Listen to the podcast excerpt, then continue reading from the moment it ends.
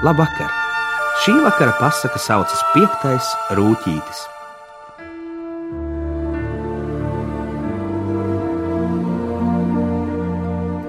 Kādu rītu, kad septiņi rūtīši pārlika pār plecu kapļus un lāpstas, lai nokāptu rūdas raktuvēs, piektais rūtītis pēkšņi nolika savu kapli. Katru dienu viens un tas pats, viņš saīdzis sacīja Kopš sniegbaltīte apprecējusies ar princi, pie mums vairs nekas nenotiek. Pat karaliene neatnāk mūs apciemot, lai atbrīvotos no saviem saindētajiem āboliem. Tā bija visgarākā runa, kādu piektais rūtītis jau kad bija teicis. Pārējie seši apjukuši sastājās viņam apkārt. Viņš ir ķerts, konstatēja septītais rūtītis. Mēs nekad neesam darījuši citu kā vien rakuši kalnā rūdu, Notikums ar sniegbaltīti bija izņēmums. Pareizi, piekrita piektais rūtītis.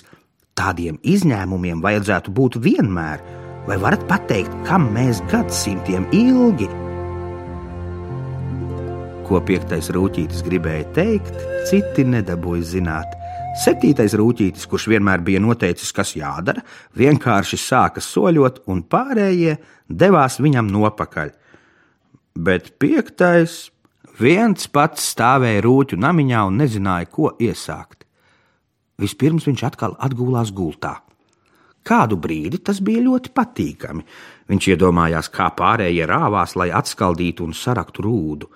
Viņš staipījās un grozījās, un būtu laidies snaudā, ja nebūtu sācis rūkt vēders. Ai, ai, brokastu laiks! Piektais rūtītis izkāpa no gultas un sadabūja brokastu pārslas.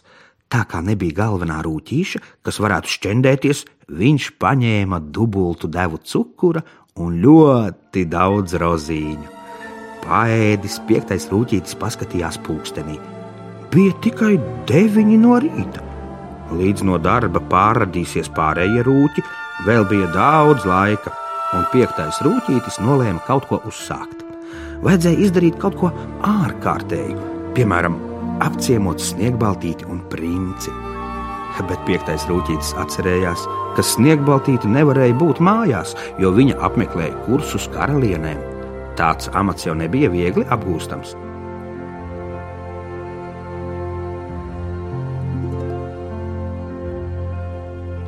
Taču sniegbaltītes pamāte, kas dzīvoja savā pilī aiz septiņiem kalniem noteikti neatradās nekādos kursos. Viņa prata to, kas tika mācīts nākamajām karalienēm. Bez tam viņa lielākoties bija mājās. Pamātei raizes sagādāja kājas, sniegbaltītas kāzās viņa bija gandrīz nobeigusies, dejojot kvēlojošās tupelēs. Mēdīji pat bija izplatījuši ziņu, ka viņas vairs nav starp dzīvajiem. Piektais rūtītis devās ceļā viņš satika mednieku, kurš brīdināja, lai nedodas uz pili, bet piekto rūtīti tas nenobaidīja. Godkārīgā karaliene atkal apjautājās savam spogulim, kura tad ir viskaistākā visā valstī. Sniegbaltīte, piektais rūtīts iesaucās spoguļa vietā, bet arī tu esi ļoti skaista karaliene, tikai citādā veidā skaista. Tas godkārīgajai karalienei patika, jo spogulis vienmēr apgalvoja, ka viskaistākā ir sniegbaltīte. Vai gribi ābolu? Viņa piedāvāja piektajam rūtītim. Es zvēru, tas nav saindēts.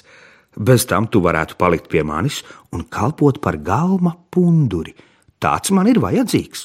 Nē, nē, ātri atteica piektais rūtītis. Nē, Viņš teica divreiz, jo negribēja ne ēst ābolu, ne kļūt par karalienes galma punduri. Es tikai gribēju paskatīties, ko tu te visu dienu sadari, viņš sacīja. Sniegbaltītes pamāte gari nožāvājās, es skatos televīziju, ko citu var darīt, ja kājas slimas. Viņa no spoguļa galdiņa paņēma tālvadības pulti un ieslēdza televizoru. Re, pat tur nekas nenotiek, reklāma, bet pa starpu televīzijas rūķi. Taču piektais rūtītis bija lielā sajūsmā par televizoru. Viņš iztaujāja karalieni, un viņa bija priecīga, ka var padižoties ar savām zināšanām. Rūtīšu namiņā televizora nebija. Kad piektais rūtītis bija pietiekami daudz uzzinājis, viņš devās taisnā ceļā uz televīzijas centru. Tas gan bija tāls ceļš, vēlreiz pāri septiņiem kalniem un septiņiem tiltiem, bet piektais rūtītis tik gāja un gāja bez apstājas. Viņš sapņoja par to, ka televīzijā tiks pieņemts par rūķu vecāko. Galu galā viņš taču bija īsts rūtītis, viens no septiņiem. To varēja apliecināt Sniegbaltīte un viņas pamāte par savu pirmo algu, ko viņš saņemtu kā rūķu zvaigzne.